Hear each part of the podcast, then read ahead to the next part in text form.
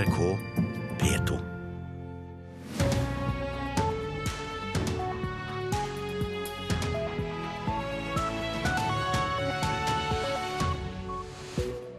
Velkommen til Nyhetsmorgen. Klokka er 6.30. I studio nå Anne Jetlund Hansen, og dette er hovedsakene våre. I den amerikanske byen Baltimore er det erklært unntakstilstand etter voldsomme opptøyer i gatene. I Nepal sliter hjelpemannskapene fortsatt med å komme frem til ofrene for jordskjelvet. Folk er desperate etter hjelp. Og pasienter i alle aldre raser ned i vekt på norske sykehus. Det er dramatisk, sier klinisk ernæringsfysiolog Randi Tangvik på Haukeland. Det er veldig alvorlig, og det er veldig oppsiktsvekkende at vi ikke klarer å ta hånd om ernæringstilstanden til pasienter, til syke folk. I Nepal så har dødstallene steget til 4300 etter jordskjelvet på lørdag. Nærmere 7000 mennesker er skadd, men hjelpemannskaper kommer ikke frem til knuste landsbyer. Vi skal straks tilbake til eh, den saken vi får utenriksmedarbeider Tom Christiansen i studio. Aller først nå skal vi høre at i byen Svornik øst i Bosnia så er en politimann drept og to andre såret etter at en væpnet mann angrep en politistasjon i byen. Mannen skal ha ropt 'Gud er stor' på arabisk mens han skjøt rundt seg, før han selv ble drept. Det opplyser en talsperson for politiet til nyhetsbyrået Reuters. Tilbake til Nepal nå, der også dødstallene har steget til 4300. Og utenriksmedarbeider Tom Christiansen, det er altså hundrevis av landsbyer man ikke har hørt fra så langt. Hva venter myndighetene når de etter hvert får kontakt? De vet at mange av disse landsbyene ligger nærmere jordskjelvets episenter. Eh, hvor ødeleggelsene er eh, større enn det vi har sett i f.eks. Katmandu, hvor vi har sett bilder. Eh, det er vanskelig å komme dit fordi det har gått jordras, og veiene i Nepal ligger jo i, fjellsidene. Det har gått jordras som gjør at det er umulig å komme fram. Og det myndighetene jo frykter, men også vet, er at det er ufattelige lidelser. De mange som er døde, ja, husene som er knust. For ikke å snakke om tusenvis av mennesker som ligger skadde. Eh, hodeskader, nakkeskader, eh, knuste bein Eh, og barn som, som, har forferdelige lidelser. Har de vann, har de mat? Nå, De siste tallene som kom eh, like før jeg gikk i studio, var at uh, halvannen million mennesker nå er uten mat og må forsynes. Og det skal skje i et land hvor veiene er rast sammen. Ja, og Internasjonale hjelpemannskaper er altså på vei, men flyplassen ser ut til å være flaskehalsen. Det er en liten flyplass. Den har vært stengt i lange perioder pga. Eh, etterskjelvene. Men eh, det de internasjonale hjelpeorganisasjonene kan komme med, er jo ikke selve løsningen. For den er det eh, Nepals egne helsearbeidere som må stå for. Og det, det gjør de. de. De opererer, de holder på på sykehus som er ikke ødelagt, men som er overfylte. De internasjonale som nå er på vei, de kan komme med hospital, eh, medisiner, de kan bringe inn eh, logistikk og andre ting. Jobben blir alltid gjort av de lokale. Ja, hvordan innretter folk seg nå? I Katmandu går det nå busser fra folk som vil hjem og se hvordan det er med dem der hjemme, men de kommer jo ikke særlig langt da pga. Uh, tilstanden. Små butikker er åpne, men hyllene er stort sett uh, tomme. Samme også på bensinstasjoner. Og det er lite bensin, det er lange køer. Uh, livet går på et vis uh, av skaftet i den forstand at uh, nå dreier alt seg om å berge livet og ta vare på sine. Men det hviler en sånn dyster himmel over Katmandu, og det skal regne i ti dager. De skal sove ute, det er ikke mer enn en 10-14 grader om natta. Og alle tenker på de gamle, og alle tenker på barna. Takk skal du ha, Tom Kristiansen. Og om en halvtimes tid så skal vi direkte til Nepal og snakke med vår korrespondent som er på plass der.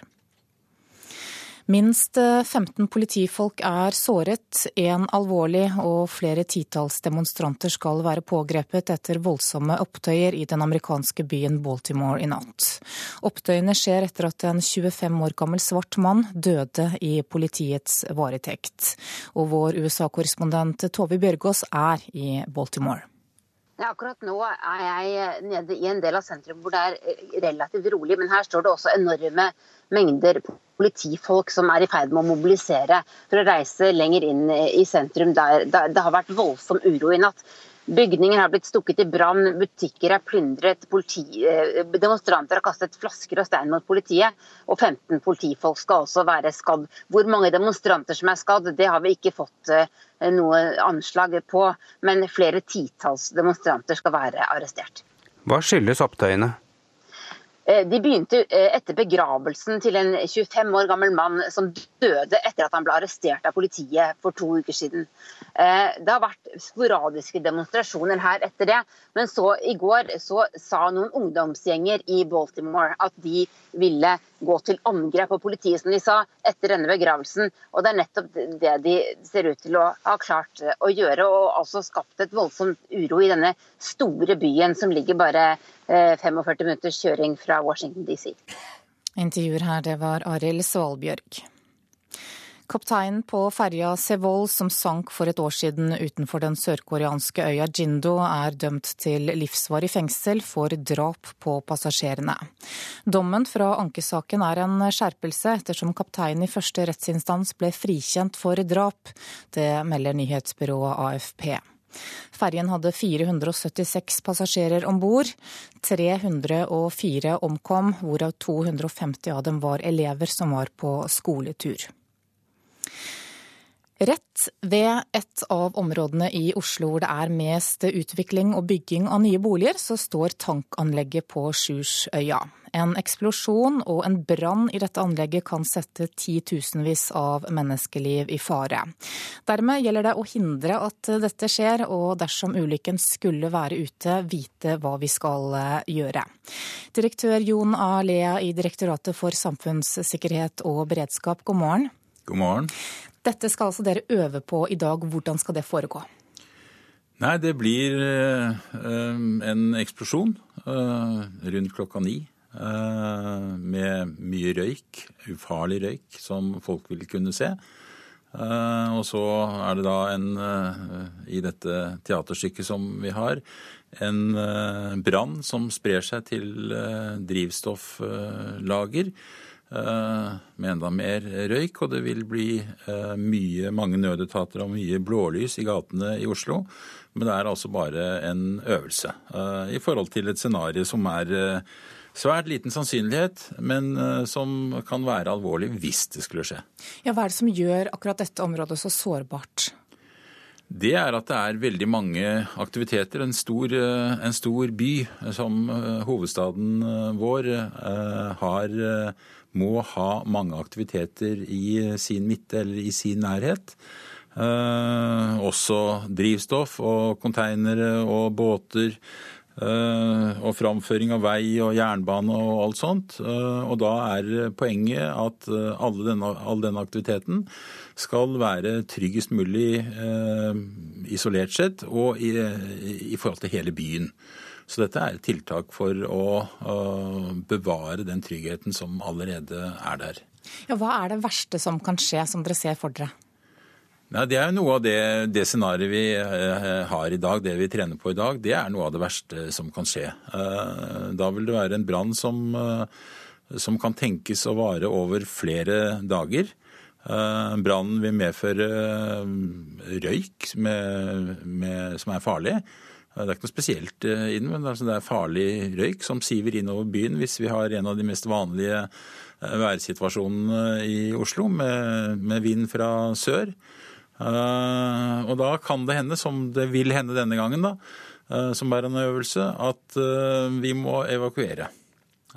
Så, så, vi skal trene på evakuering Eh, av noen skoler og noen barnehager og noen andre eh, for å trene eh, rett og slett på hvordan er det vi håndterer en vanskelig evakuering i Oslos midte. Og Dersom det blir en sånn brann, hvor farlig og hvor omfattende blir denne røyken da? Hvor mange blir rammet av det? dersom ja, det skjer? Det kan være flere titusener hvis det først skulle skje, avhengig av vindstyrke og, og hvordan det blåser. Men uh, det viktigste er at ved å gjøre dette, så får vi trent på det som vi eh, overhodet ikke tror vil skje, og så får vi trent på alt i det daglige. Sånn at eh, Oslo kommune og Oslo politi får eh, jobbet sammen om evakuering, brann, Oslo brann og redning får jobbet sammen om det å, håndtere en brann i et farlig område over en lang tid. Helse vil kunne ta, trene på masseskade, enten det er dette, denne Henningen eller en annen Henning. Og nødetaten og de frivillige og internasjonal bistand kommer i tillegg. Og det ser vi jo nå i disse dager, at internasjonal bistand og hjelpe hverandre, det er et, det er et viktig tema. Da sier jeg lykke til med øvelsen, direktør Jon A. Lea i Direktoratet for samfunnssikkerhet og beredskap. Da skal vi se hva avisene har på forsidene sine i dag. Vårt Land skrivet, eh, skriver at organisasjonen Himal Partner frykter at innbyggerne i Nepal kan bli rammet av to traumer i forbindelse med jordskjelvet. Først selve skjelvet og deretter konsekvensen av det, og deretter det internasjonale hjelpearbeidet. For dersom ikke hjelpen blir koordinert, så blir den en byrde som kommer på toppen av skjelvet, sier generalsekretæren i Himal Partner. Politiet i Hordaland innrømmer å ha gjort feil i en to år gammel drapssak, skriver Bergens Tidende. Politiadvokat Trond Eide sier etterforskningen av dødsfallet til en 41 år gammel mann i 2012 var noe mangelfull, da dette ble henlagt som en overdose. Og nå er to menn siktet for forsettlig drap. Det er en kraftig vekst av unge uføre i Norge, det skriver Aftenposten. På fem år så er det blitt 50% flere uføre under 35 år. Finansprofessor Richard Priestley anklager oljefondet for å skjule svake resultater for innbyggerne her i landet. Det virker som om fondet prøver å dra luen ned over øynene på det norske folk, sier han til Dagens Næringsliv. Stavanger Aftenblad skriver at arbeidsinnvandrere sliter mer enn andre når de blir arbeidsløse. Robert Olsevski mistet jobben og måtte sende hjem familien sin. Fremskrittspartiets Øyvind Korsberg langer ut mot 200 kulturtopper som krever at Norge stopper oljeleting i Arktis. Han sier til Dagsavisen at det er få sektorer i Norge som har smurt seg med så mye oljepenger som Kultur-Norge. Klassekampen forteller at biskopen i Borg, Atle Sommerfelt, vil tale mot søndagsåpne butikker når han holder appell for LO 1. mai. Dette snevrer inn folkekirken, mener stortingsrepresentant Tina Bru fra Høyre. Nasjonen skriver at regjeringspartiene vil ta opp melkekvoteordningen under jordbruksforhandlingene. Flertallet på Stortinget krever at saken blir løftet ut av jordbruksoppgjøret. Forsvarsministeren snakker i Dagbladet i dag om salget av gamle marinefartøy til Nigeria, og hun skyver ansvar over på forgjengerne sine, ifølge avisen. Mens VG gir deg de beste allergitriksene mot pollen. Skal vi høre at eh, pasienter raser ned i vekt på norske sykehus, og dette gjelder pasienter i alle aldre, viser forskning i Bergen. Av alle pasienter på Haukeland sykehus er 30% i såkalt ernæringsmessig risiko under sykehusoppholdet. Og for flere så er vekttapet dramatisk. Jeg ser jo rundt meg her, det er mange som sliter med, med matinntaket. Det er det. Helge Bjørnsen fikk i vinter påvist kreft i spiserøret.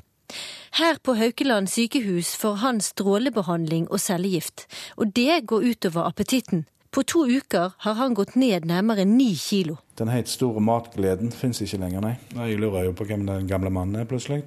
det, det, nei, du kjenner jo ikke kroppen din igjen. Her har vi eh, energipulver som kan blandes i kaffen. Randi Tangvik er klinisk ernæringsfysiolog på Haukeland. Hun har forsket på hvor mange pasienter som går ned i vekt under sykehusoppholdet, og resultatet mener hun er oppsiktsvekkende. Vi har alltid visst at eldre var særlig utsatt, men mitt doktorgradsarbeid viser at faktisk det er høy forekomst av ernæringsmessig risiko i alle aldre og i nesten alle sykdomskategoriene. Om lag 30% av pasientene er i såkalt ernæringsmessig risiko under sykehusoppholdet. For enkelte kan vekttapet være dramatisk. Disse pasientene har nesten fem ganger høyere dødelighet og er dobbelt så lenge innlagt. Det er veldig alvorlig, og det er veldig oppsiktsvekkende at vi ikke klarer å ta hånd om ernæringstilstanden til pasienter, til syke folk. Hvorfor blir ikke de pasientene fanget opp på sykehusene? Sykehusene skal jo ha rutiner for å kartlegge alle pasientene, men i en travel sykehushverdag så er det ofte at det glipper. For å holde litt på vekten, så spiser du faktisk Nugatti.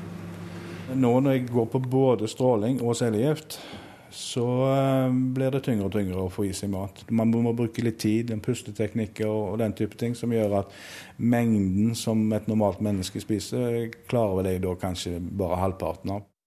Reporter var eh, Siri Løken, og direktør Stener Kvinsland i Helse Bergen sier Haukeland sykehus har jobbet med problemet i mange år, men nå skal rutinene skjerpes.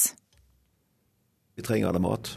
Og når pasienten er syk, eh, så må vi ikke sluntre med det viktigste i den alminnelige helsestrategien, nemlig ernæring og følge opp ernæring, når vi er så veldig opptatt av den spissede behandling og alle tiltakene skal gjøres. Men jeg tror fortsatt det er et stykke å gå på bl.a. å følge med på visse parametere når det gjelder vekt og vektindikatorer underveis i opphold, men også etterpå.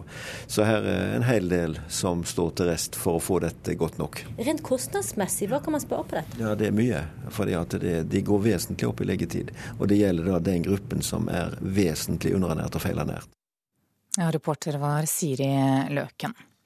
Nå skal vi ha sport, og nærmere bestemt ishockey. Det er moro at mange NHL-spillere deltar i VM, det sier landslagstrener Roy Johansen tre dager før ishockey-VM starter i Tsjekkia. Samtidig betyr dette enda tøffere kamper for Norges del, sier landslagssjefen. Det er moro at VM får NHL-spillere inn. og Nå kommer Jager, kommer Kopitar til Slovenia. Grabowski dukker kanskje opp i, i, i Hviterussland osv. Jeg, jeg ser at alle de lagene vi møter, får inn NHL-spillere. og Det gjør bare at vi må være enda mer skjerpa. Allerede i første kamp fredag får Norge det tøft når Russland er motstander. Videre følger store nasjoner på rekke og rad. USA, Finland, Slovakia, Slovenia, Danmark og Hviterussland. Norges eneste NHL-spiller Mats Zuccarello er skadet, men hadde uansett ikke spilt VM pga. NHL-sluttspillet.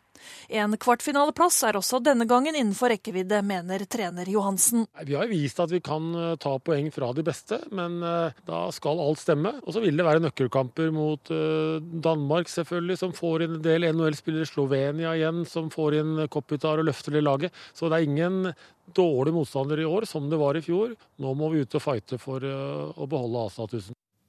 Reporter var Hilde Liengen. Du hører på Nyhetsmorgen nå. Klokka er 6.48, og dette er hovedsakene våre. Minst 15 politifolk er såret etter voldsomme opptøyer i den amerikanske byen Baltimore.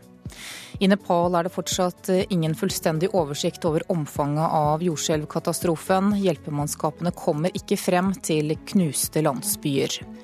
Og følg oss videre. Et suvenirkjøp på sydenferie kan ende med fengsel. Det advarer politiet.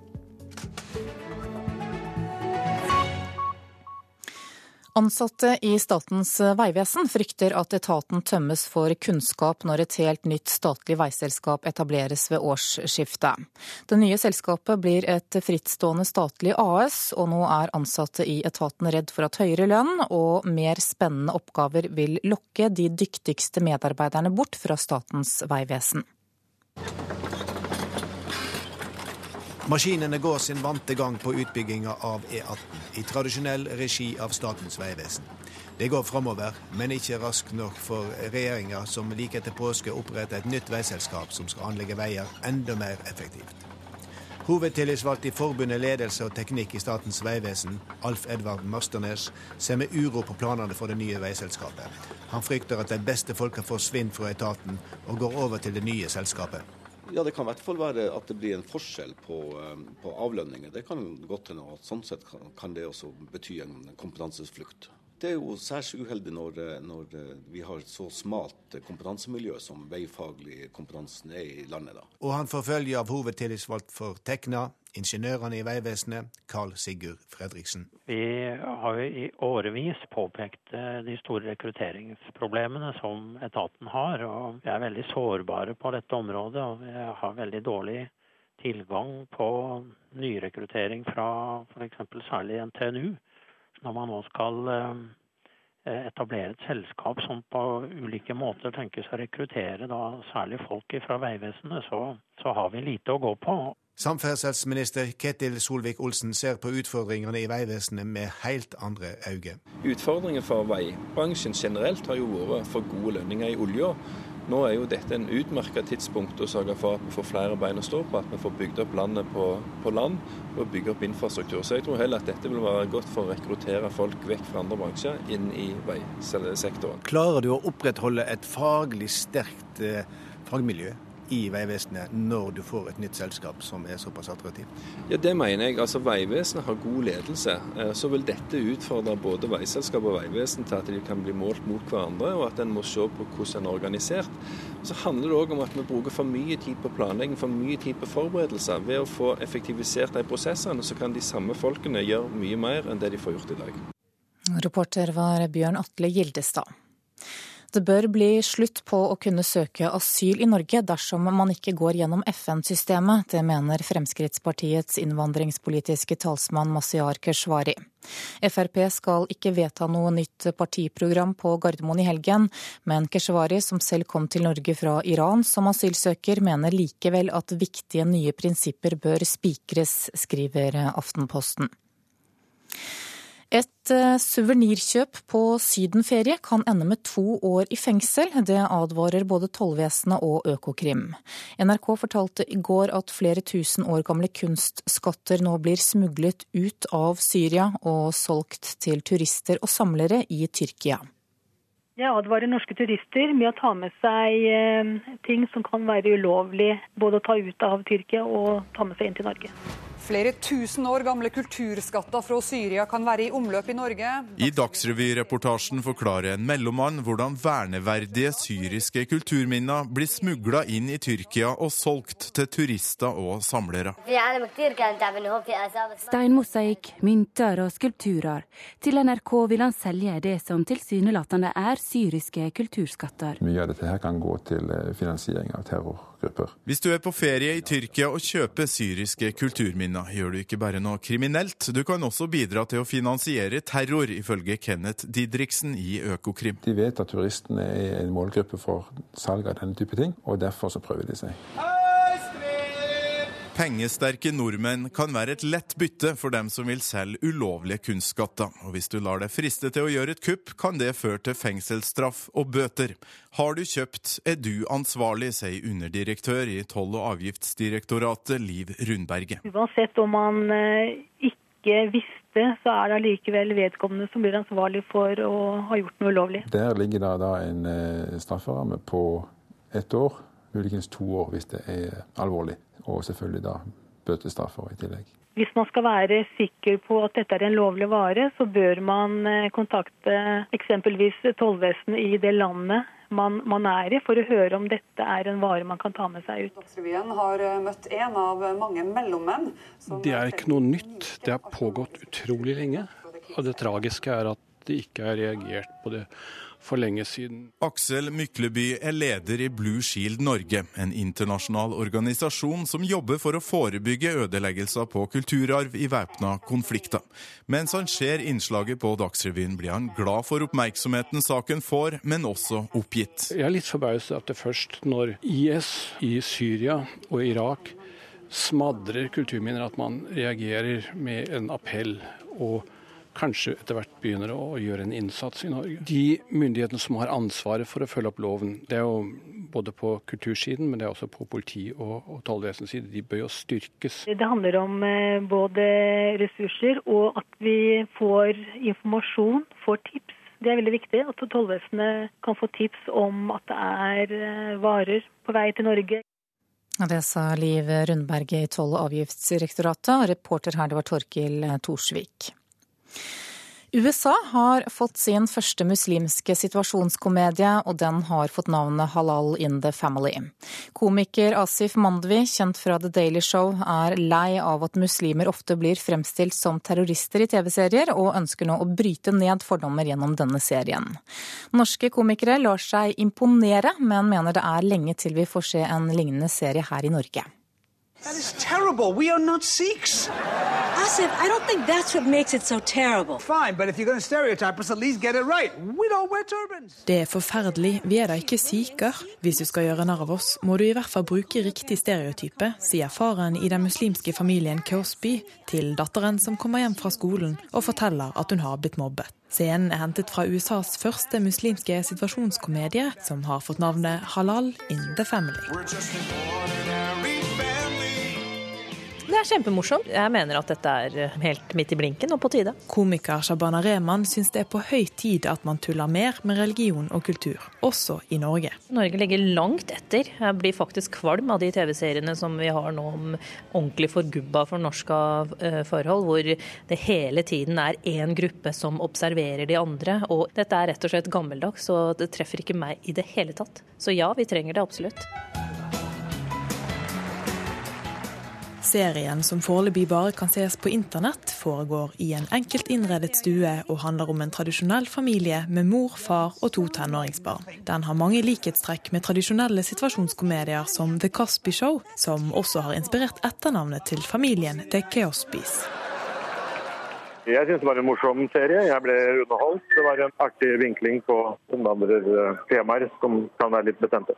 Komiker Sahid Ali lot seg også underholde av familien Cosby, men han tror ikke vi får se en lignende serie i Norge. Jeg har i mange år sammen med flere kollegaer med innvandrerbakgrunn presentert diverse serier og ting for norsk publikum, og jeg har alltid hørt at jeg blir for Migrapolis. At det er, og Migrapolis er innvandrerprogram for innvandrere. Det mener Rehman er synd, og hun håper situasjonskomedien fra USA vil inspirere norske serieskapere til å tulle mer med religion, kultur og fordommer. Det nyanserer bildet man har av de fremmede. Man blir bedre kjent med hverandre, og så ufarliggjør man. Og man normaliserer folk, ikke sant. At man er mennesker tross alt. Og da er humor en veldig effektiv og bra måte å gjøre det på. Det sa komiker Shabana Rehman til reporter Ingvild Fjelltveit. Nå skal vi se på et eh, værvarsel som gjelder til midnatt. Fjellet i Sør-Norge stort sett oppholdsvær, perioder med sol og fra i ettermiddag spredte snøbyger. Østland og Telemark pent vær. I ettermiddag sørvestlig kortvarig liten kuling på kysten. Spredte regn- eller haglbyger. Snø i høyden kan hende med torden. Nær kysten for det meste pent vær og kan hende lokal morgentåke. Agder kan vente seg pent vær i dag. Fra i ettermiddag sørlig til dels frisk bris på kysten. Enkelte regn- eller haglbyger. Snø i høyden. Utrygt for torden og lite nedbør i øst. Rogaland og Hordaland sørøstlig bris. Frisk bris utsatte steder. I ettermiddag forbigående liten kuling. Spredte regn- eller haglbyger, snø over 300 meter, ellers til dels pent vær. Det er utrygt for torden, og mot kvelden øker en nedbør i Rogaland. Sogn og Fjordane, Møre og Romsdal og Trøndelag. I ettermiddag og i kveld nordøstlig til dels frisk bris på kysten nord for Sunnfjord. Spredte regn- eller haglbyger, snø over 300 meter, ellers til dels pent vær. Helgeland, Saltfjellet, Salten og Ofoten fra i ettermiddag nordlig opp til frisk bris. Enkelte regn- og sluddbyger, snø i høyere strøk og utrygt for lokal torden. Lofoten og Vesterålen nordøstlig liten kuling, i kveld frisk bris. For det meste opphold og litt sol. Troms på kysten liten kuling, i kveld frisk bris. For det meste opphold og noe sol, men mulighet for spredte snøbyger. Finnmark nordøstlig frisk bris utsatte steder. I ettermiddag nordvestlig. Enkelte snøbyger, men også litt sol. Og på Nordensjøland på Spitsbergen er det ventet nordøstlig opp til frisk bris i dag. Oppholdsvær og en del sol. Så tar vi med temperaturene som ble målt klokka fem. Da hadde Svalbard lufthavn minus sju grader. Kirkenes minus tre, Alta minus én. Tromsø null, Bodø tre, Brønnøysund og Trondheim én.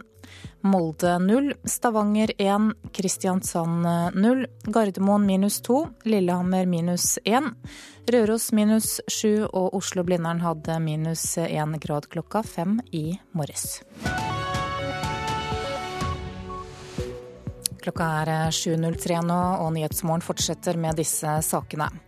I Nepal er det fortsatt flere landsbyer som hjelpemannskapene ikke har kommet frem til etter jordskjelvkatastrofen.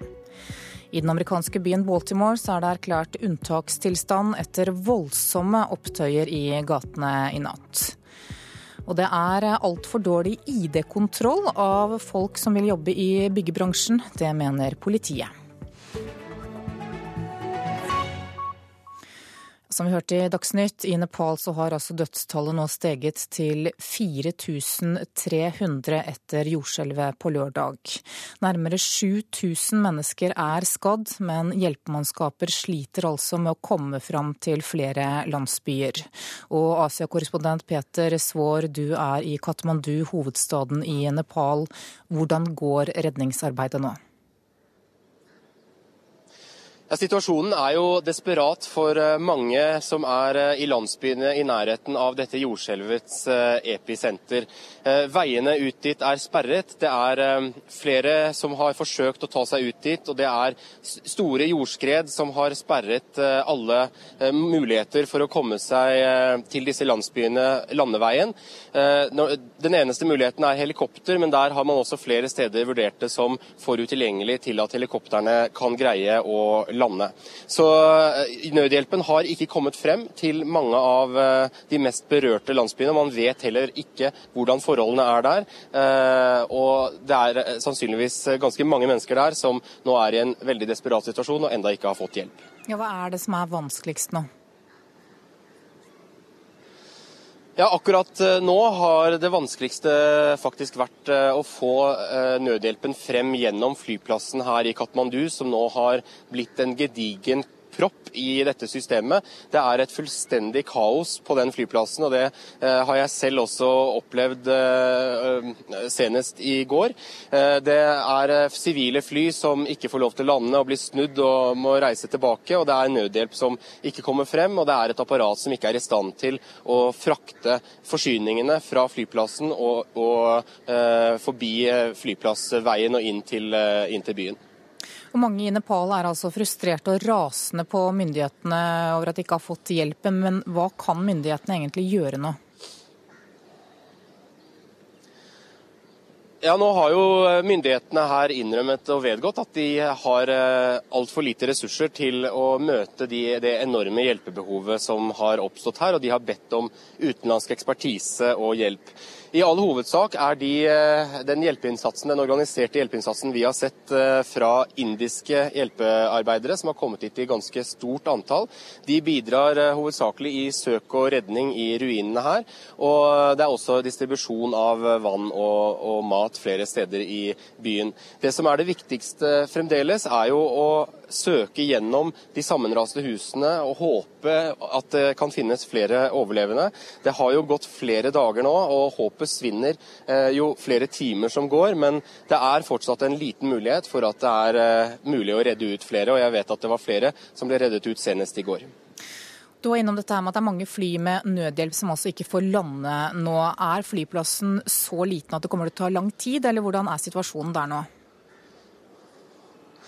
Ja, dette er eh, flyplassen her i Katmandu er Nepals eneste internasjonale flyplass. Den er liten og underdimensjonert og har bare plass til noen få fly av gangen. Da vi var der sist, var eh, hele tarmacen full av indiske militære helikoptre. Det var knapt plass for eh, flyene å manøvrere. Og det er klart at når det nå kommer store mengder utenlandske hjelpeforsyninger og Hercules-fly til den flyplassen, så har de rett og slett ikke nok plass og heller ikke kompetanse til å få denne trafikken til å flyte. Så det har nå blitt et ganske stort problem.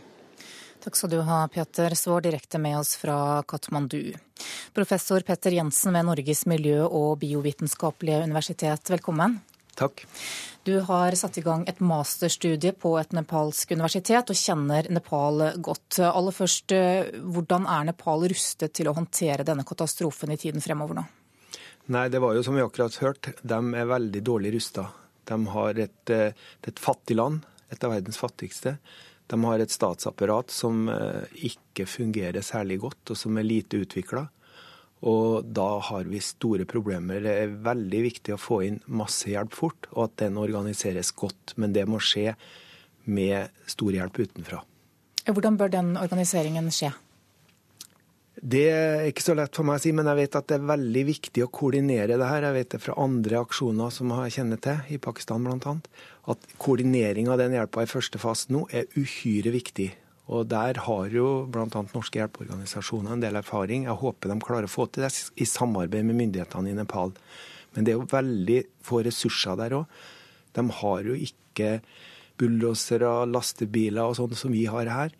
Og, og, det hørte vi jo på han som var der nå, at nå er det veldig vanskelig å komme frem med hjelp. Det er veldig vanskelig å komme frem med forsyninger. Så ja, og så, og så er det også ofte også en fare for at det utvikler seg epidemier. Hvordan ser du på det nå? Ja, det er jo veldig stor fare for det. For eh, både vannforsyning og avløpssystemet har brutt sammen.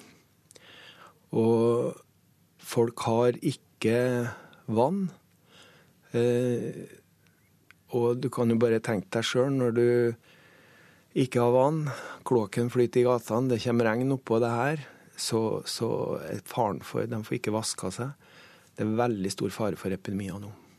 Hvor er det innsatsen bør settes inn nå eh, de nærmeste dagene? Nei, det er jo primært er å få frem dem som er begravd. Men i tillegg så må jo de som er der, få vann. De må få mat. Og det bør satses også veldig mye på å, skaffe, å skaffe en eller annen form for uh, latriner, for uh, oppsamlingssystem for, uh, for avføring. Masterstudiet som du har satt i gang i samarbeid med et universitet i Katmandu, ser nettopp på beredskapen når det gjelder jordskjelv. Kan du fortelle litt om hva studentene i Nepal lærer? Ja, vi har sett litt på både kortsiktig og langsiktig beredskap. Eh, det som kanskje vi har fokusert mest på, det er hvordan Nepal skal ruste seg på lang sikt for å, å takle en sånn situasjon. Og det de må gjøre på vann- og avløpssida, som er helt sentralt nå i, i den fasen her, det er jo at de burde hatt desentrale system. Jeg kan gi et kort lite eksempel. Eh, han som var sjef for UN Habitat, altså FNs boligorganisasjon i Katmandu, han bygde et hus med regnhøsting på taket. Han har vann for seg og sin familie hele året fra det regnet. Han har en, et toalett som ikke belaster avløpssystemet, og som lager kompost. Så, og det huset står. Hvis det har vært mange hus, hvis det har vært påbud å høste regn på taket, ja, så hadde de hatt vann i tanker rundt om. Ikke alle de tankene har gått i stykker. Ikke alle husene har gått i stykker. Naboen kunne ha fått vann, og, eller mange naboer fra hverandre. Og de kunne ha gått på do hos hverandre. Det har vært en helt annen situasjon med et desentralt system. Så det har vi jobba veldig mye med, å se på muligheter. Hvordan skal det organiseres. Det er veldig viktig i ettertid nå, i den langsiktige arbeidet. Men det kortsiktige er jo å få inn hjelp, grave latriner, få høsta regn bare ved å ta et plastflak, f.eks som sa til to 80-årige hyggelige personer som jeg kjenner i Katmandu, som sitter ute i hagen i regnet i ti grader om natta nå. Ta plastikk, samle vann og ha til drikkevann, i hvert fall. Professor Petter Jensen, takk for at du var med her i Nyhetsmorgen. Skal videre til USA, for i den amerikanske byen Baltimore så har guvernøren erklært unntakstilstand. Myndighetene gjør nå alt de kan for å stanse de voldelige opptøyene i gatene som skjer etter at en 25 år gammel svart mann døde i politiets eh, varetekt. Minst 15 politifolk er såret og flere titalls demonstranter er arrestert. Og USA-korrespondent Tove Bjørgaas, du er i Baltimore nå. Hva skjer der i øyeblikket?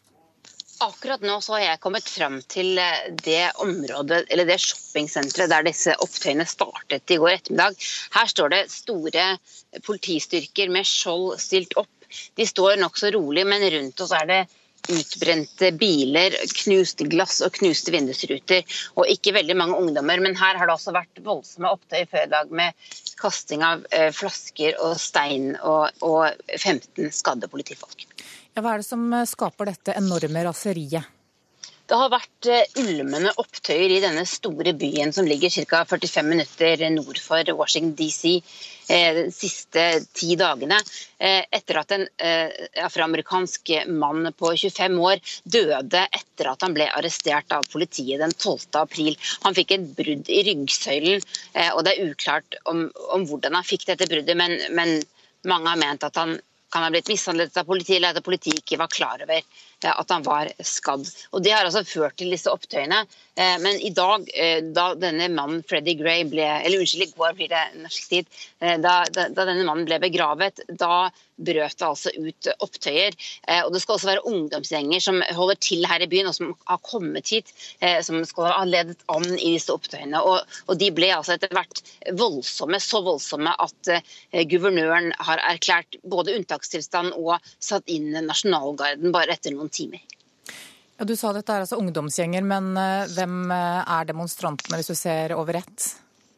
Det er unge, unge frustrerte menn, tror jeg vi, vi, kan si, sånn som vi har sett mange andre steder i dette landet de siste månedene. Baltimore er en by med stor urban fattigdom.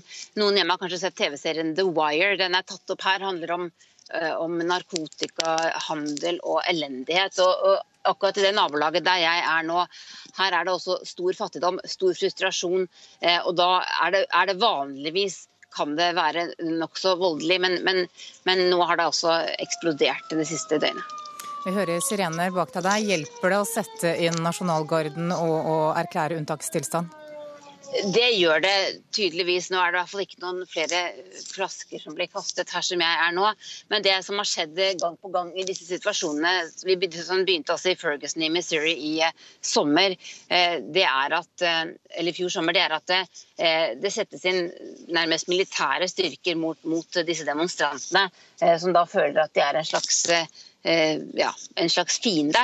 Eh, og det er heller ikke heldig. Så Derfor var det mange som reagerte på at man, man så raskt tok til slike midler her i Baltimore. Men, men eh, fordi dette, dette er en så stor by og uroen ble så kraftig såpass raskt, så ønsket den nyvalgte guvernøren i Maryland, Larry Hogan, å vise at han hadde kontroll over situasjonen. Men er det ventet mer bråk? Det kan man aldri vite om det kommer til å bli. I går var det altså slik at disse ungdomsgjengene sa at de ønsket å gå til kamp mot politiet, sa de etter denne begravelsen. Og det var nettopp det som, som skjedde. Eh, så får vi se hvordan, hvordan, dette vil utvikle seg i dagene framover. Eh, men dette er ikke noe stort eh, folkelig opprør som det vi så i f.eks. Ferguson. Dette her tror jeg handler om, om mer pøbel, pøbelgjenger og bråkmakere som er, er kommet for å, å lage bråk. Takk skal du ha, USA-korrespondent Tove Bjørgaas, direkte med oss fra Baltimore. Du hører på Nyhetsmorgen nå. Klokka nærmer seg 16 minutter over sju, og dette er hovedsakene våre. I Nepal er det fortsatt flere landsbyer som hjelpemannskapene ikke har kommet frem til etter jordskjelvkatastrofen. I den amerikanske byen Baltimore er det altså erklært unntakstilstand etter voldsomme opptøyer i gatene. Og følg oss videre, for snart kan boliglånet bli enda billigere.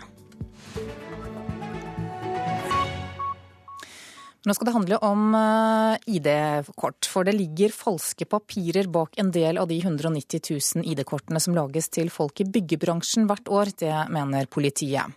Kortene skal bidra til lovlige og ordentlige arbeidsforhold. Men misbruk og forfalskning gjør at myndighetene nå understreker at dette ikke er et gyldig identitetskort, men et HMS-kort. Dette er uh, anleggsbransjens uh, grønne identifikasjonskort, som uh, alle må ha med seg når de skal starte på Skanska sine prosjekter i hele Norge. Hans Stein Johnsen er anleggsleder i Skanska for bygginga av det nye innovasjonssenteret like ved Radiumhospitalet i Oslo. Her må alle bruke kort for å komme inn på byggeplassen.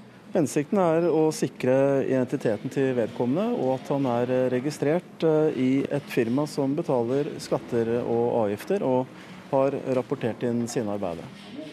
Selv om flertallet av de rundt 400 000 med byggekort er ærlige arbeidsfolk, så har Arbeidstilsynet og politiet avslørt mange forfalskninger og misbruk. Det sier politiadvokat Andreas Meg Bentsen i Oslo-politiet. Man har eh, fått laget seg et falskt pass i utlandet Og så tar man en kopi av det, og så godkjenner på sett og vis da arbeidsgiveren og sier at dette er den personen, dette er ekte. Det er nemlig opp til arbeidsgiveren å sjekke om den som søker jobb er den han sier han er, og at papirene hans er ekte. Og det foregår da ikke noen formell undersøkelse fra myndighetenes side om dette faktisk stemmer. Meg Bensen sier det finnes alvorlige eksempler på situasjoner der en arbeidstaker i bygg- og anleggsbransjen har lurt seg til et byggekort eller HMS-kort for å jobbe på byggeplassen. Det er ikke så veldig lenge siden at man faktisk måtte stenge ned en hel arbeidsplass fordi det viste seg at den som skulle utføre sprengningsarbeider, ikke hadde den, de nødvendige papirer på at han skulle kunne utføre den jobben. Eh, man kan jo bare tenke seg hva som kunne skjedd hvis feil mann får sprengstoff mellom hendene. Statssekretær i Arbeids- og sosialdepartementet Kristian Dahlberg Hauge sier at de nå vil endre forskriftene for å slå fast at byggekortet ikke er et ID-kort, men et helse-, miljø- og sikkerhetskort. Det er ikke et ID-kort man kan gå i banken og ta ut penger på eller bestille seg pass med. Det er et eh, kort som utelukkende skal ha tilhørighet til arbeidsplassen og arbeidsforholdet. Politiet sier at det her er lek med ord, for eh, problemet er kontrollen med papirene før man får dette kortet. Ja, Man er hele tiden opptatt av et forbedringsarbeid, men dette er altså noe også bransjen sjøl har vist til er nødvendig for å belønne seriøse arbeidsgivere, seriøse arbeidsforhold. Det har jo vi sett gjennom etterforskningen, at samme personalia på én person har vært brukt av fire ulike personer. Altså man finner i systemet til arbeidsgivere tilsynet samme personale, men med fire forskjellige bilder. Ja, reporter her, det var Kjartan eh, Rødslett. Regiondirektør Ørnulf Holmrast i Arbeidstilsynet i Oslo, god morgen. Hei. Du, hvordan utfører dere kontroll med slike ID-kort? Ja, først så vil jeg si at uh, Arbeidstilsynet vi er enig i den bekymringen som flere uttrykker når det gjelder misbruk og forfalskning, og vi støtter også de tiltakene som nå innføres. Eh, Arbeidstilsynet vi kontrollerer ID-kort, eller HMS-kort som det nå antagelig snart vil hete, som en del av tilsynet mot eh, sosial dumping i bygg- og anleggsbransjen. Eh, når inspektørene kommer på byggeplassen, så vil de som regel først skaffe seg en oversikt over hvilke firmaer som er der. De vil gå en runde, vurdere sikkerheten, og de vil kontrollere de firmaene som er der, bl.a. ved å spørre arbeidstakerne om lønns- og arbeidsforhold, og de vil også sjekke disse HMS-kortene. Dersom HMS-kortene mangler eller andre forhold ikke er OK, så vil dette følges opp overfor arbeidsgiver eller overfor byggherre. Og dersom det oppdages HMS-kort eh, som ikke er gyldig, vil kortene bli inndratt. Hvor ofte opplever dere det? Det er i ganske mange tilfeller. Ehm, vi har kontrollert eh, at arbeidsgiverne har utstyrt arbeidstakerne med disse kortene i om lag 2000 tilfeller i 2014 og om lag 1000 inspeksjoner i år. Så at det, omfanget av kontrollene øker. Jeg må spørre deg, Hvorfor er det arbeidsgiver som har ansvar for å sjekke at papirene er ekte? Det er jo arbeidsgiver som har ansvaret for eh, egne ansatte. Det gjelder eh, at de har arbeidskontrakter, at de har lovlig opphold, at eh, lønns- og arbeidsforhold er i forhold til lovgivningen, og at sikkerheten og arbeidsmiljøet er OK. Og HMS-kortet er jo bl.a. en dokumentasjon på at dette arbeidsgiver-arbeidstakerforholdet er etablert og er i, i, orden. Og Det er et viktig prinsipp at det er arbeidsgiver som skal ha ansvaret for, for disse forholdene. og man kan jo spørre seg, hvis ikke arbeidsgiver skulle hatt dette forholdet, hvem skulle da hatt det? Men er de rusta til det? Eh, det er en eh, krav og forventning om at de skal eh, ha kompetanse til å ha dette ansvaret, hvis de skal drive business i Norge. Det er jo også sånn at I en del av disse svindelsakene så, så er det jo også arbeidsgiver som står for svindelen. Sånn at ved å forrykke ansvarsforholdet, så vet jeg ikke om det vil bidra. Du hørte et, et, et, eksempel i saken her om han som skulle sprenge og ikke hadde papirer som viste at han faktisk kunne drive med sprengningsarbeid. Har du andre eksempler på hvilke konsekvenser det får dersom folk i byggebransjen har falske ID-kort? Ja, det er vel eh, peker på, er vel mer de langsiktige konsekvensene. Og bransjen selv er jo veldig bekymret for at eh, eh, dersom det er si, svindel og, og, misbruk av kort, så vil det bidra til at HMS-forholdene blir verre. Vi får arbeidstakere som blir utnyttet. Det offentlige og bedrifter blir svindlet, og det fører jo også til konkurransevridning som gjør at useriøse bedrifter vinner anbud, og at de seriøse bedriftene blir utkonkurrert. Regiondirektør Ørnulf Halmerast i Arbeidstilsynet i Oslo, takk for at du kom hit til Nyhetsmorgen. Snart kan boliglånet bli enda billigere. Allerede neste uke kan det komme en ny runde med rentekutt fra bankene, tror eksperter. Men en fagforeningsleder har allerede sikret sine medlemmer enda billigere lån. Det er en bra følelse, det. Den kollektive forbrukermakten som vi har. Og det har jo faktisk ført til en viss rentekrig. Sier Knut Årbakke, leder i Akademikerne. Det ferske tilbudet hans medlemmer nå får i Danske Bank, er egnet til å gjøre andre boliglånskunder misunnelige. Det er to seks i flytende, og så har de et fastrentetilbud som begynner å bli ned mot to blank. Det eh, er attraktivt for mange. Trond Mellingsæter tar snart over som toppsjef i Danske Bank Norge. Også andre kundegrupper skal vinnes med rentekutt fremover. Rente er en av flere viktige faktorer. Så vi har en klar og uttalt ambisjon om å ta en betydelig større plass i det norske markedet. Så vi skal vokse, og vi skal vokse mer enn markedet vokser. Og nå er flere banker på hugget, sier Pål Ringholm.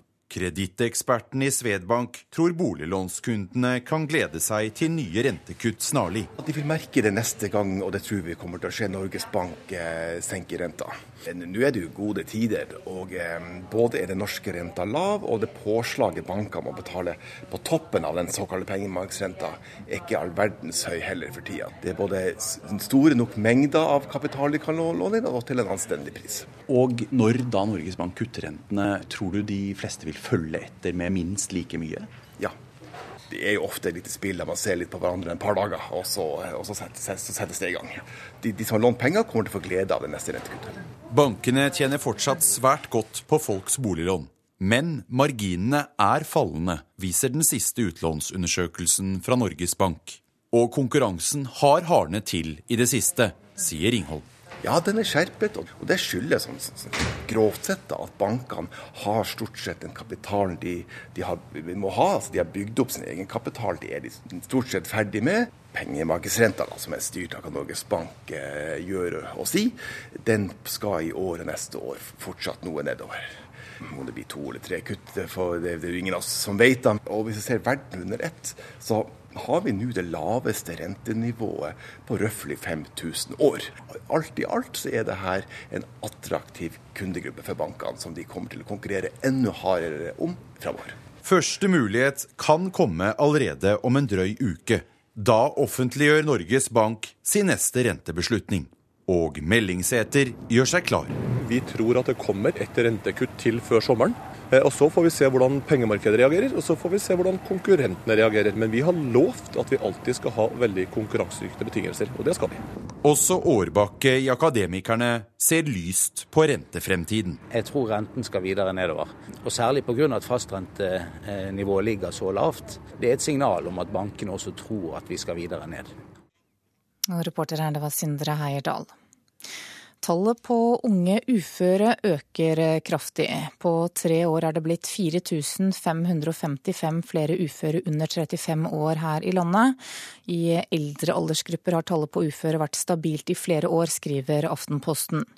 Utviklingen er bekymringsfull fordi svært få går tilbake i arbeid fra uføretrygd, og da er løpet kjørt for de fleste. Det sier forsker Simen Markussen ved Frisksenteret. I Nigeria er flere hundre mennesker funnet døde, antakelig drept av terrorgruppen Boko Haram. Det opplyser lokale innbyggere og tjenestemenn.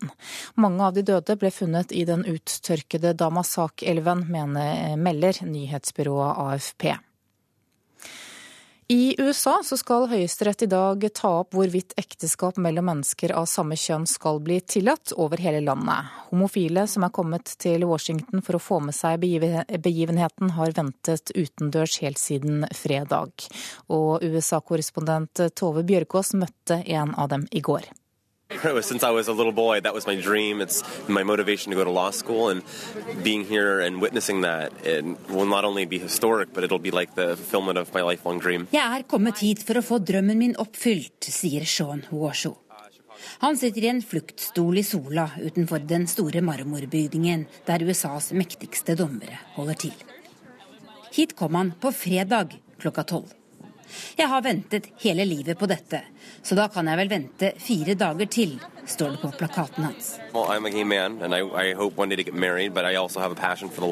Jeg er en homofil mann som en dag håper å kunne gifte meg.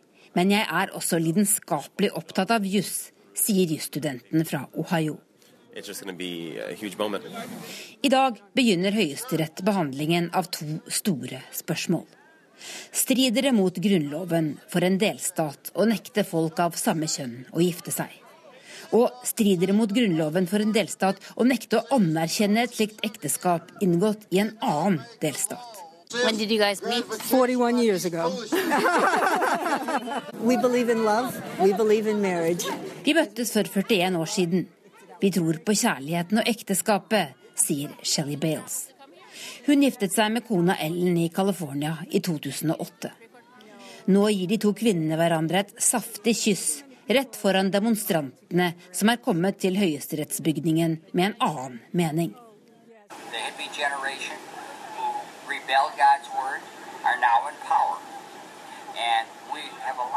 Det er hippier som styrer dette landet nå. Vi har latt dem ta over, og da blir det slik som dette. Det er vår egen feil, sier Ronald Brines, som holder en stor plakat med bilde av to homofile menn som kysser, og tittelen Skam. 24.6 er avgjørelsen fra Høyesterett ventet. De fleste venter at homofile og lesbiske vil vinne. Og det vil i så fall være en milepæl i amerikansk rettshistorie, som kan sammenlignes med Roe versus Wade, høyesterettsdommen som tillot abort her i 1973. Og det sa Tove Bjørgaas. Produsent for Nyhetsmorgen i dag er Ulf Tannes Fjell, og her i studio Anne Jetlund Hansen. Spillerom i dag. Så har jeg lyst til å se litt tilbake. Hi, this is David Bowie. Hi, this is Tom Petty. Pandora's Jukebox. Hi, Norwegian radio listeners.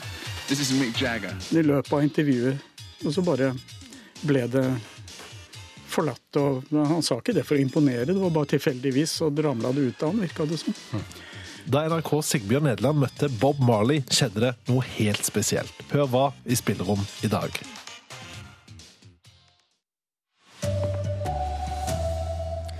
«15 politifolk i USA skadd i gatekamper med demonstranter i Baltimore i natt. Over 8 millioner av Nepals 28 millioner innbyggere er rammet av jordskjelvet. Ernæringsekspert roper varsko om underernærte pasienter på norske sykehus. Her er NRK Dagsnytt klokka 7.30. Det er erklært unntakstilstand og portforbud i den amerikanske storbyen Baltimore. Grunnen er voldsomme opptøyer i byen i natt, der minst 15 politifolk er skadd i gatekamper mot demonstranter. Dette skjer etter at en 25 år gammel svart mann døde i politiets varetekt. Korrespondent eh, Tove Bjørgaas, du er der opptøyene startet. Hva ser du? Nei, her står det store uh, politistyrker uh, på rekke og rad med skjold som sperrer av gatene. og det er store, nærmest militære kjøretøy som kjører gjennom politistyrkene. Det er veldig få demonstranter her nå, eh, men tidligere i dag så ble det eh, tent på flere biler akkurat her som jeg står nå. En eh, butikk ble plyndret og vinduene knust. Og dette har også skjedd andre steder i denne store byen som ligger ca. 45 minutter nord for Washington DC. Hva er bakgrunnen for det som har skjedd, Tove? Dette begynte med at en 25 år gammel mann ble arrestert eh, av politiet 12.4. Han døde en uke senere. Han hadde fått et brudd i ryggsøylen. Eh, og mange mener at politiet ikke var klar over at han var skadd, eller at han kanskje ble skadd under arrestasjonen. Det førte til sporadiske opptøyer her. Men da denne mannen Freddy Gray ble begravet i går, så brøt det altså ut voldsomme opptøyer. Og ungdomsgjenger sa også at de ønsket å gå til kamp mot politiet. Og, det er nærmest det vi, vi, så. Det var altså noen timer så eskalerte dette i denne store byen voldsomt. Eh, Baltimore er en by med et par millioner innbyggere hvis man tar med forstedene. I kveld er det forbudt å gå ut. Hvordan skal politiet gjennomføre det, Tove? Det er en del eh, spesielt ungdom ute i gatene her fortsatt, og det går folk rundt, eh, rundt i byen. Jeg har kjørt gjennom stort sett eh, hele byen den siste timen. Dette er også en by med veldig veldig stor fattigdom, hvor veldig mange bor på gata. Jeg snakket akkurat med en ung jente som sa at det er ikke overrasket over det som skjer, dette skjer her. Det er en krig til daglig å bo her, sa hun, i dette fattige nabolaget. Så dette er en by med stor urban fattigdom, og da ønsker myndighetene å forsøke å holde ro og orden ved å holde folk unna gatene. Men de spørs om de, om de klarer det. Den eneste måten å gjøre det på er å ha mest mulig politi ute. Tove Bjørgaas. I Nepal er over åtte millioner mennesker rammet av jordskjelvet som rammet landet på lørdag. Det opplyser FN nå på morgenen. Dødstallene har steget til 4300 mennesker, nærmere 7000 er skadd. Men hjelpemannskaper kommer ikke fram til knuste landsbyer. Asia-korrespondent Peter Svaar er i Katmandu, hovedstaden i Nepal. Ja, situasjonen er jo desperat for eh, mange som er eh, i landsbyene i nærheten av dette jordskjelvets eh, episenter. Veiene ut dit er sperret. Det er flere som har forsøkt å ta seg ut dit, og det er store jordskred som har sperret alle muligheter for å komme seg til disse landsbyene landeveien. Den eneste muligheten er helikopter, men der har man også flere steder vurdert det som for utilgjengelig til at helikoptrene kan greie å lande. Så eh, nødhjelpen har ikke kommet frem til mange av eh, de mest berørte landsbyene. Man vet heller ikke hvordan forholdene er der. Eh, og det er sannsynligvis ganske mange mennesker der som nå er i en veldig desperat situasjon og enda ikke har fått hjelp. Akkurat nå har det vanskeligste faktisk vært å få nødhjelpen frem gjennom flyplassen her i Katmandu, som nå har blitt en gedigen propp i dette systemet. Det er et fullstendig kaos på den flyplassen, og det eh, har jeg selv også opplevd eh, senest i går. Eh, det er sivile fly som ikke får lov til å lande og blir snudd og må reise tilbake, og det er nødhjelp som ikke kommer frem, og det er et apparat som ikke er i stand til å frakte forsyningene fra flyplassen og, og forbi flyplassveien og inn til, inn til byen.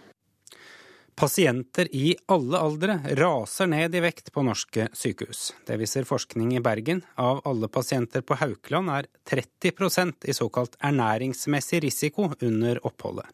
Helge Bjørnsen har gått ned ni kilo på to uker etter kreftbehandling. Den helt store matgleden finnes ikke lenger, nei. Jeg lurer jo på hvem den gamle mannen er, plutselig. det, det Nei, du kjenner jo ikke kroppen din igjen. Her har vi eh, energipulver som kan blandes i kaffen. Randi Tangvik er klinisk ernæringsfysiolog på Haukeland. Hun har forsket på hvor mange pasienter som går ned i vekt under sykehusoppholdet, og resultatet mener hun er oppsiktsvekkende. Vi har alltid visst at eldre var særlig utsatt, men mitt doktorgradsarbeid viser at faktisk eh, det er høy forekomst av ernæringsmessig risiko i alle aldre og i nesten alle sykdomskategoriene. Om lag 30% av pasientene er i såkalt ernæringsmessig risiko under sykehusoppholdet. For enkelte kan vekttapet være dramatisk. Disse pasientene har nesten fem ganger høyere dødelighet og er dobbelt så lenge innlagt. Det er veldig alvorlig, og det er veldig oppsiktsvekkende at vi ikke klarer å ta hånd om ernæringstilstanden til pasienter, til syke folk. Hvorfor blir ikke de pasientene fanget opp på sykehusene? Sykehusene skal jo ha rutiner for å kartlegge alle pasientene, men i en travel sykehushverdag så er det ofte at det glipper. For å holde litt på vekten, så spiser du faktisk Nugatti. Nå når jeg går på både stråling og cellegift, så eh, blir det tyngre og tyngre å få i seg mat. Man må bruke litt tid, en pusteteknikk og, den type ting, som gjør at mengden som et normalt menneske spiser, klarer vel jeg da kanskje bare halvparten av. Og ifølge Helse Bergen har Haukeland sykehus jobbet med problemet i mange år og skal skjerpe rutinene ytterligere. Reporter Siri Løken. Ansatte i bygge- og anleggsbransjen kan ha fått ID-kort ved å legge fram falske pass eller andre dokumenter. Det er altfor dårlig ID-kontroll av folk som vil jobbe i byggebransjen, mener politiet. 190 000 ID-kort utstedes til folk i bransjen hvert år. Dette er uh, anleggsbransjens uh, grønne identifikasjonskort, som uh, alle må ha med seg når de skal starte på Skanska sine prosjekter i hele Norge.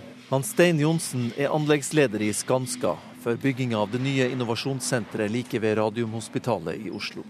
Her må alle bruke kort for å komme inn på byggeplassen. Hensikten er å sikre identiteten til vedkommende, og at han er registrert eh, i et firma som betaler skatter og avgifter, og har rapportert inn sine arbeider. Selv om flertallet av de rundt 400 000 med byggekort er ærlige arbeidsfolk, så har Arbeidstilsynet og politiet avslørt mange forfalskninger og misbruk.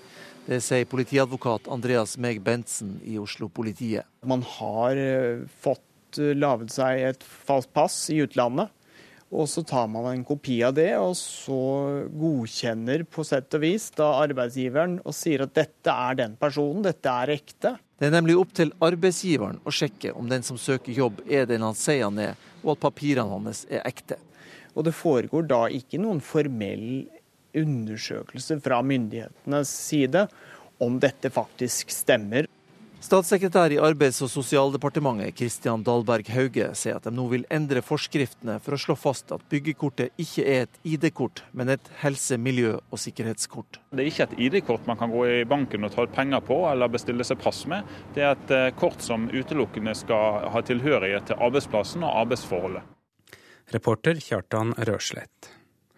Snart blir boliglånet enda billigere. Allerede neste uke kan det komme et, eh, ny, eh, et, nytt rentekutt fra bankene, tror eksperter. Men en fagforeningsleder har allerede sikret sine medlemmer enda billigere lån. Det er en bra følelse, det. Den kollektive forbrukermakten som vi har. Og det har jo faktisk ført til en viss rentekrig. Sier Knut Årbakke, leder i Akademikerne. Det ferske tilbudet hans medlemmer nå får i Danske Bank, er egnet til å gjøre andre boliglånskunder misunnelige. Det er to i flytende, og så har de et fastrentetilbud som begynner å bli ned mot to blank. Trond Mellingsæter tar snart over som toppsjef i Danske Bank Norge. Også andre kundegrupper skal vinnes med rentekutt fremover. Rente er en av flere viktige faktorer. Så vi har en klar og uttalt ambisjon om å ta en betydelig større plass i det norske markedet. Så vi skal vokse, og vi skal vokse mer enn markedet vokser. Og nå er flere banker på hugget, sier Pål Ringholm. Kreditteksperten i Svedbank tror boliglånskundene kan glede seg til nye rentekutt snarlig. De vil merke det neste gang, og det tror vi kommer til å skje. Norges Bank senker renta. Og når da Norges Bank kutter rentene, tror du de fleste vil følge etter med minst like mye? Ja. De, de som har lånt penger, kommer til å få glede av det neste rentekuttet. Reporter her, Sindre Heierdal. Ansvarlig for denne sendingen, Bjørn Christian Jacobsen. Teknisk ansvarlig, Marianne Myrhol. Og her i studio, Arild Svalbjørg.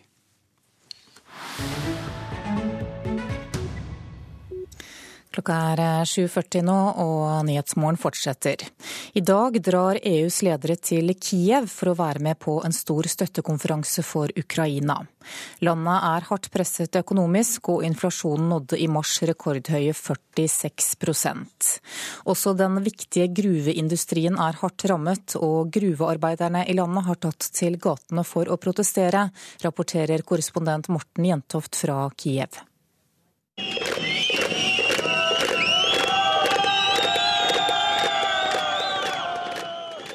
Dette er en lyd vi har hørt før. Mellom de store husene på Kretsjatek, den ukrainske hovedstaden Kivs paradegate. Gruvearbeidere som slår sine hjelmer i bakken mens de roper 'skam, skam', og holder opp faner der det står at det ikke er noe Ukraina uten gruvene. Gruvearbeiderne har helt siden Ukraina ble en selvstendig nasjon i 1991 med jevne mellomrom inntatt Kievs gater. Samtidig som meldinger om alvorlige ulykker i gruvene har fortalt hvor farlig arbeidet deres er. Senest i mars ble 34 gruvearbeidere drept i en gruve i Danetsk. Vi er her for å vise vår misnøye med hvordan gruveindustrien i Ukraina ledes og drives på, sier Aleksander, mens han går med bestemte skritt nedover Kritsjatik i retning det ukrainske gruvedepartementet. Det er viktig at staten forstår betydningen av gruvene og oss gruvearbeidere. Ukraina er helt avhengig av energien som man får fra kullgruvene, sier Aleksander fra Dnipropetrovsk fylke. Mye politi er utkommandert i gatene. Stemningen i den ukrainske hovedstaden er fra før spent etter to politiske mord uken før, og rykter om provokasjoner før markeringen av at det er 70 år siden avslutningen av annen verdenskrig. Og i øst fortsetter kampene mellom regjeringsstyrkene og russiskstøttede separatister. Men gruvearbeiderne som er kommet til Kiev, mener de har rett til å si ifra. Это да, очень сложное. Но это не дает права ja, Situasjonen er svært vanskelig for Ukraina nå, innrømmer Juri fra Pavlograd, også inne på Petrovsk fylke, sørøst i Ukraina. Men vi som bor i den relativt fredelige delen av landet, må ha rett til å kreve levelige vilkår. Det handler om at gruveindustrien må ledes på en annen måte. Og det må settes inn kompetente folk i ledelsen, og de finnes, mener Juri. Men han vet at han kjemper en tøff kamp akkurat nå. Tidligere denne uken kunngjorde den ukrainske energiministeren Volodymyr Demtsjysjin at elleve av landets gruver må stenges. Hva skal jeg si? Lønningene kommer hele tiden for seint, sier Alexander under den tradisjonelle oransje hjelmen som alle gruvearbeidere innenfor det tidligere Sovjetunionen er kjent for. Vi har en utestående gjeld på åtte milliarder griven, sier Alexander, som selv fikk utbetalt lønn nå i mars. Men for gruvearbeiderne ligger den på ca. 200 euro, eller under 2000 norske kroner i måneden. Og selv om prisnivået i Ukraina ligger betydelig under det norske, så er det svært mange mennesker i Ukraina som nå lever på et minimum. Reformprosessen tar tid. Bl.a. krever EU og Verdensbanken at ulønnsomme industrier stenges ned. Det gjelder også gruveindustrien. EU ga riktignok tilsagn på et nytt lån på rundt 1,5 milliarder norske kroner. Til sammen har EU støttet Ukraina med nærmere 14 milliarder norske kroner det siste året, noe som har avverket en total kollaps i den ukrainske økonomien. Klokka er 7.44 eh, nå, du lytter til Nyhetsmorgen, og dette er hovedsakene våre. Over åtte millioner mennesker i Nepal er rammet av jordskjelvet, det sier FN. Og de norske redningsfolkene som er på vei til jordskjelvområdene, har fått landingstillatelse i Katmandu natt til i morgen. 15 politifolk i USA er skadd i gatekamper med demonstranter i byen Baltimore. Nå er det erklært unntakstilstand, og nasjonalgarden er satt inn for å roe gemyttene. Og det er altfor dårlig ID-kontroll av folk som vil jobbe i byggebransjen. Det mener politiet. Klokka nærmer seg 7.45 og Politisk kvarter, og programleder i dag, det er Håvard Grønli.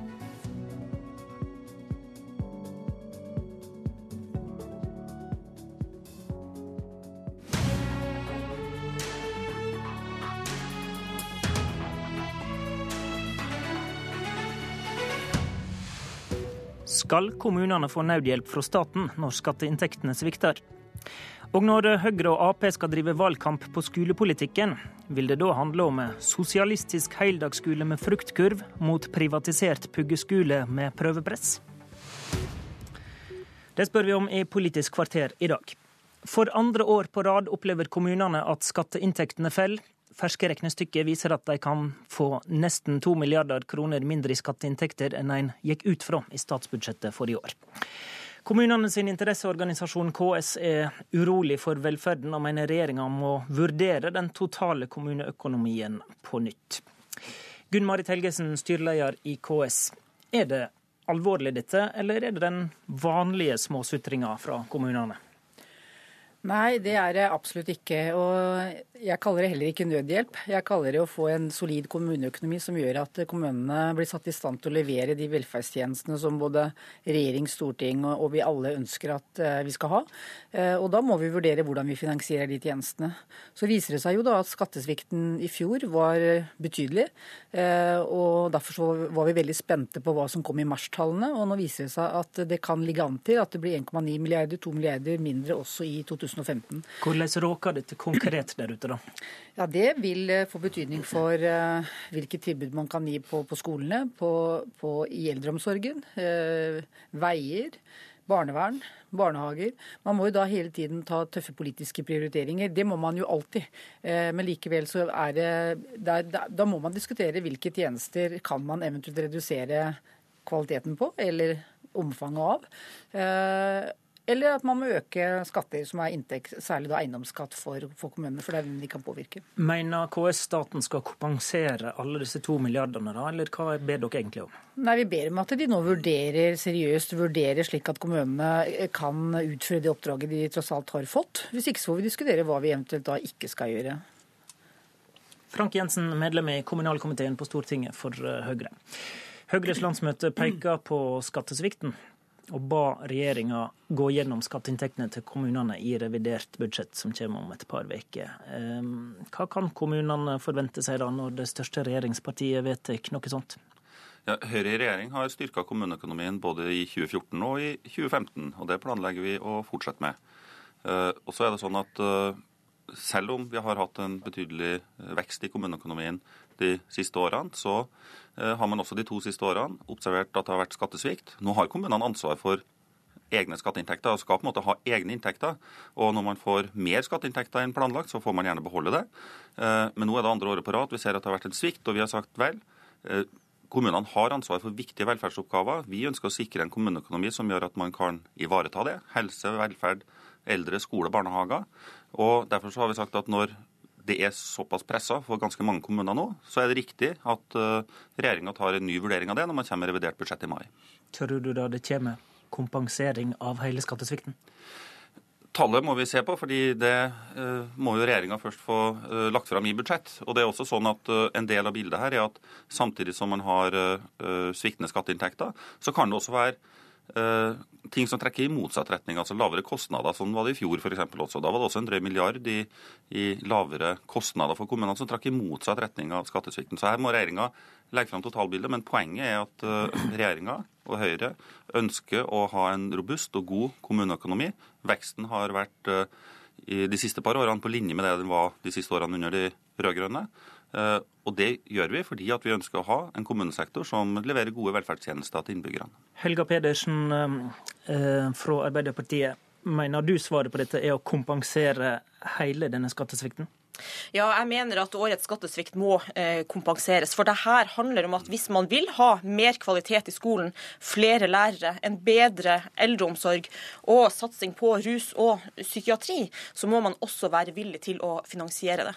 Og vi så at i fjor så gikk veksten i kommunene sine frie inntekter kraftig ned. Det har ligget på 2% under den rød-grønne regjeringa. I fjor var veksten 0,7% eh, Også kommuneopplegget for i år var magert, og så kommer en kraftig skattesvikt på toppen. Men så hører vi Frank Jensen si at det er positiv utvikling på utgiftssida. Skal ikke en ta omsyn til det, da?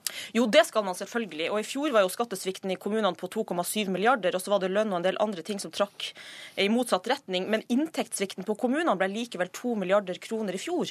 Og det er jo en regning som kommunene måtte dra med seg inn til 2015. Eh, og når vi ser at skattesvikten ser ut til å bli eh, nærmere 2 milliarder også i år, så sier det seg sjøl at det her klarer ikke kommunene uten at skattesvikten blir kompensert. Gjøres ikke det, så får vi kutt i skole, eldreomsorg, rus og psykiatri og alle de andre områdene som stort sett alle partier på Stortinget sier man skal løfte høyere. Helgesen i KS, skatteinntekter varierer jo over tid, og langsiktig økonomisk styring er jo et kommunalt ansvar. Burde en ikke fra kommunenes side sette, eh, sette til side penger i gode tider, da? Jo, Ideelt sett så, så, skal man jo sørge for å ha budsjetter som både går i balanse og som kanskje har en buffer. Men det er jo et faktum at uh, uansett uh, de siste åtte-ti årene så, så, er det nye reformer som er initiert fra statlig hold, som sjelden er fullfinansiert, som gjør at det blir press på, på de, de, kronene som settes av til kommunene. Så det er jo ikke slik at kommunene eh, ikke bruker pengene til det man skal, men det er rett og slett at man får flere oppgaver. Eh, det har vært innført barnehagereformer, den var ikke fullfinansiert. Vi har hatt en samhandlingsreform som gjør at halvparten av norske kommuner rett og slett har gått i underskudd. Eh, så man må foreta tøffe politiske prioriteringer hele tiden, selvfølgelig selvfølgelig. Men det er også fordi eh, vi har store ambisjoner på vegne av innbyggerne, og det er bra, men da må det også finansieres. Jensen, mener du det er prinsipielt galt å kompensere, eh, ettersom kommunene faktisk har ansvar for å sikre sine egne inntekter til en viss grad òg? Det skal ikke være noe automatikk i eh, at kommunene får kompensert sviktende skatteinntekter av staten. I årene før 2014, De siste tiårene før 2014 så hadde kommunesektoren en merinntekt på 20 milliarder, som man også fikk beholde. Men nå og ser da må en tåle at en ikke nei, får kompensert ja, i dårlige tider? Men, da sier vi at det er ikke noe automatikk i at staten skal kompensere kommunenes sviktende skatteinntekter. Men vi har et ansvar for alle sammen å sikre at vi har en robust kommuneøkonomi som gjør at kommunene er i stand til å levere gode velferdstjenester. Det ønsker også Høyre. Derfor har vi også nå øh, varsla at regjeringa vil se på det her på ny i forbindelse med revidert budsjett. Og så er det litt nær sagt paradoksalt eller ironisk at kommune, det kommuneøkonomiopplegget for 2015, som har en Eh, vekst i frie inntekter på 4,7 milliarder og en prosentvekst på 1,5, som er på linje, helt på linje med det, Nei, det Arbeiderpartiet Arbeiderpartiet hadde hadde de siste årene de, siste årene, de, siste årene de rød-grønne styrte. Eh, det kaller Arbeiderpartiet for magert, mens eh, tilsvarende prosentvekster tidligere under de rød-grønne ble beskrevet som historisk høyt. Men, men, men poenget er at Nei, altså For det første så er den prosentvise veksten mindre enn den rød-grønne regjeringa, og det er et uomtvistelig faktum. Men vi kan ikke bare diskutere det her ut ifra prosenter. Det handler også om hva slags ambisjoner skal vi ha på vegne av skole og eh, eldreomsorg. Men er ikke det noen prinsipp der også, som Jensen er, er jo. inne på at når en faktisk har fått beholde eh, penger i de gode åra, så skal det ikke være noen automatikk? Jeg er enig i at det ikke skal være noen automatikk, men det, kommunene leverer jo veldig viktige tjenester til folk flest. Det er jo ikke som unger som har brukt opp eh, lommepengene sine på onsdag, og som da ikke kan få mer penger før, eh, før neste godteridag. Hvis kommunene ikke får de pengene de trenger for å drive skole og eldreomsorg, så går det jo utover folk flest i deres eh, hverdag. Og jeg håper jo at Høyre sitt landsmøtevedtak nå har, selv om det er forsiktig formulert, nå bidrar til å realitetsorientere regjeringa, og at de kommer med en forsikring om at årets skattesvikt vil bli kompensert. Det får vi se i revidert nasjonalbudsjett, eh, tror jeg. Takk til Helga Pedersen, Frank Jensen og Gunn Marit Helgesen.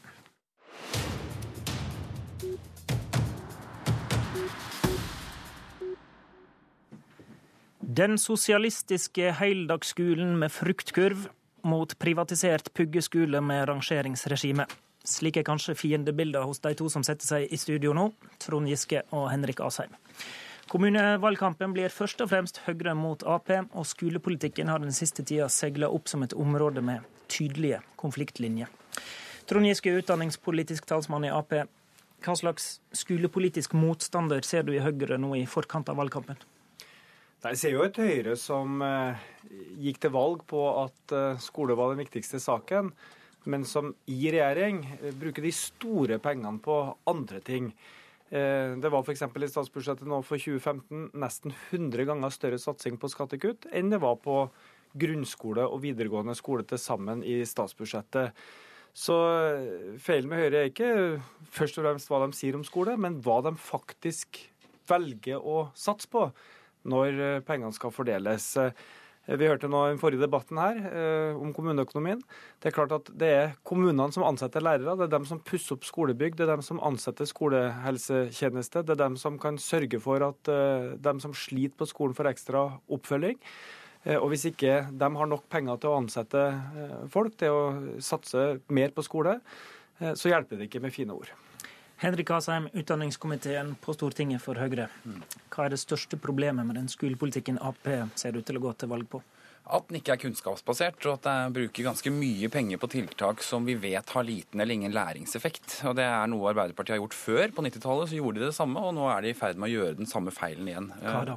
Altså, De hadde landsmøte nå, og da vedtok de, når de skulle bruke penger, to store reformer. De vedtok mat inn i skolen. Det er å gå ganske kraftig til venstre, for det er det bare SV som så langt har kjempet for. Og det andre er å innføre en lærertetthetsnorm, som SV også har stått ganske alene om. Og Problemet med det er at det er to tiltak som til sammen i neste stortingsperiode vil koste 20 milliarder kroner å putte inn i norsk skole. Og det er to tiltak som forskerne selv sier at det er vanskelig å finne noen læringseffekt av, mens vi prioriterer det som man vet at har læringseffekt, nemlig den gode læreren i klasserommet. Giske, dere gjør ting som ikke har effekt? Altså, Nå står ikke det med skolemat i kunnskapsprogrammet vårt i det hele tatt. Det står faktisk i helseprogrammet. Og det er helt riktig at eh, som læringstiltak så tror jeg skolemat kommer langt ned på lista. Men som men det er likevel eh, prioritering av penger? Ja, men som folkehelsetiltak kommer det veldig høyt eh, på lista. Bl.a. anbefalt av Legeforeninga, og jeg tror vi sparer penger i sykehusbudsjettene av det. Så den kan vi holde unna skoledebatten. Eh, men det med økt lærertetthet er en viktig sak for oss. Og det vi har prioritert, det er første til fjerde i barneskolen. Der må vi ha nok lærere til at alle elever får en god start. Det er ikke sånn at frafallet i videregående eller ungdomsskolen skjer der. der. Det skjer egentlig i barneskolen, hvis ikke folk får grunnleggende lese-, skrive-, regnetrening. Og i statsbudsjettet til, til regjeringa så var det altså et kutt på grunnskole og videregående når man så bort ifra etter- og videreutdanningssatsinga. Og den er bra, og den støtter vi, men på resten var det et kutt. Og lærere, når, vi går ut i skolen, så sier lærerne til oss at det er ikke rett det Høyre sier, at hovedproblemet i skolen er at lærerne mangler kunnskap. Lærerne mangler tid. De har for mange elever med for mange utfordringer til å klare å følge opp hver enkelt på en god måte. Det er avgjørende for å få god læring i skolen. Men det tror ikke du virker, altså? altså dette avdekker hvordan Arbeiderpartiet ser på dette. for de sier at Hvis du bare tar ut læreren, så er det kutt i skolen. Vel, læreren er jo det aller viktigste for elevenes læring, så vi kan jo ikke ta ut læreren av regnestykket.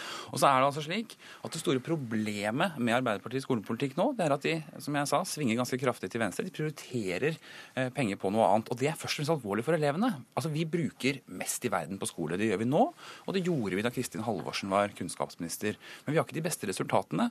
og Derfor så må også Arbeiderpartiet være med på å diskutere hva vi bruker ressursene på. Ja, og, og Det har vært en stor debatt nå i det siste om hva som virker. og Det er stor semje som du sier, om at mm. læreren er avgjørende, men er læreren så veldig mye bedre om vedkommende har mastergrad? Ja, det tror vi faktisk. Altså Det å innføre en mastergrad er noe som f.eks. Finland sier har vært viktig for dem for å løfte statusen for læreryrket og for å få en lærerutdanning som også handler om å forske på og skrive oppgave om hva som skaper læring i klasserommet. Så det er noe vi har veldig stor tro på. Dette gjennomføres i Tromsø i dag med ganske stor suksess. Så, så, det tror vi veldig på. Men det andre som er viktig, det er å løfte statusen for lærerne. Og uansett uh, hvor mye Arbeiderpartiet har begynt å bruke penger i opposisjon, så er ingen av oss ubegrenset med penger. Og Det betyr at vi også må diskutere hva vi bruker pengene på. Og Arbeiderpartiet har nå tatt to veldig klare valg, som er egentlig identitetstyveri av SVs skolepolitikk. De tar skolemat, de tar lærertetthetsnorm, en norm som Arbeiderpartiet argumenterer mot i sitt eget stortingsvalgprogram. Ja, du må slutte å snakke om skolematen. Altså, hvis du hadde hatt samme skattenivå tre dager inn i 2015 som du hadde i 2014, så kunne du ha dobla satsinga på skole i ditt statsbudsjett. Så stor forskjell er det på skattekuttene og på skolesatsinga. Og du sier at læreren er det viktigste. Ja, men da må jo også større lærertetthet være viktig. Alle får gode lærere. Alle får etterutdanning. Det er enstemmig vedtatt i Stortinget. Men når du går ut i skolen, så er jo ikke svaret fra lærerne at hadde jeg bare hatt litt flere studiepoeng, så skulle jeg kunne hjulpet enda flere elever. Det hadde jeg hatt litt mer tid, hadde jeg hatt litt mer skolehelsetjeneste, hadde jeg hatt eh, eh, mulighet til å sette litt mer spesialpedagoger på dem som sliter, hadde jeg hatt muligheten til å sørge for et bedre løp, så hadde vi Hvorfor ikke flere lærere? Altså det vi sier, for det første så innsetter vi inn flere lærere i første til fjerde trinn. Men det andre som er viktig, er at når du sier at lærerne etterspør ikke flere studiepoeng, vel se på søkertallene til etter- og videreutdanning. Jeg er for det. Se på søkertallene. Ja, nå ja, men Du trenger ikke å krangle om det som vi er uenige om. Men hør da, er Dere får fortsette å krangle på vei ut døra, tror jeg. Og, og programleder for dette politiske kvarter som er over, det var Håvard Grønli. Hør flere podkaster på nrk.no podkast.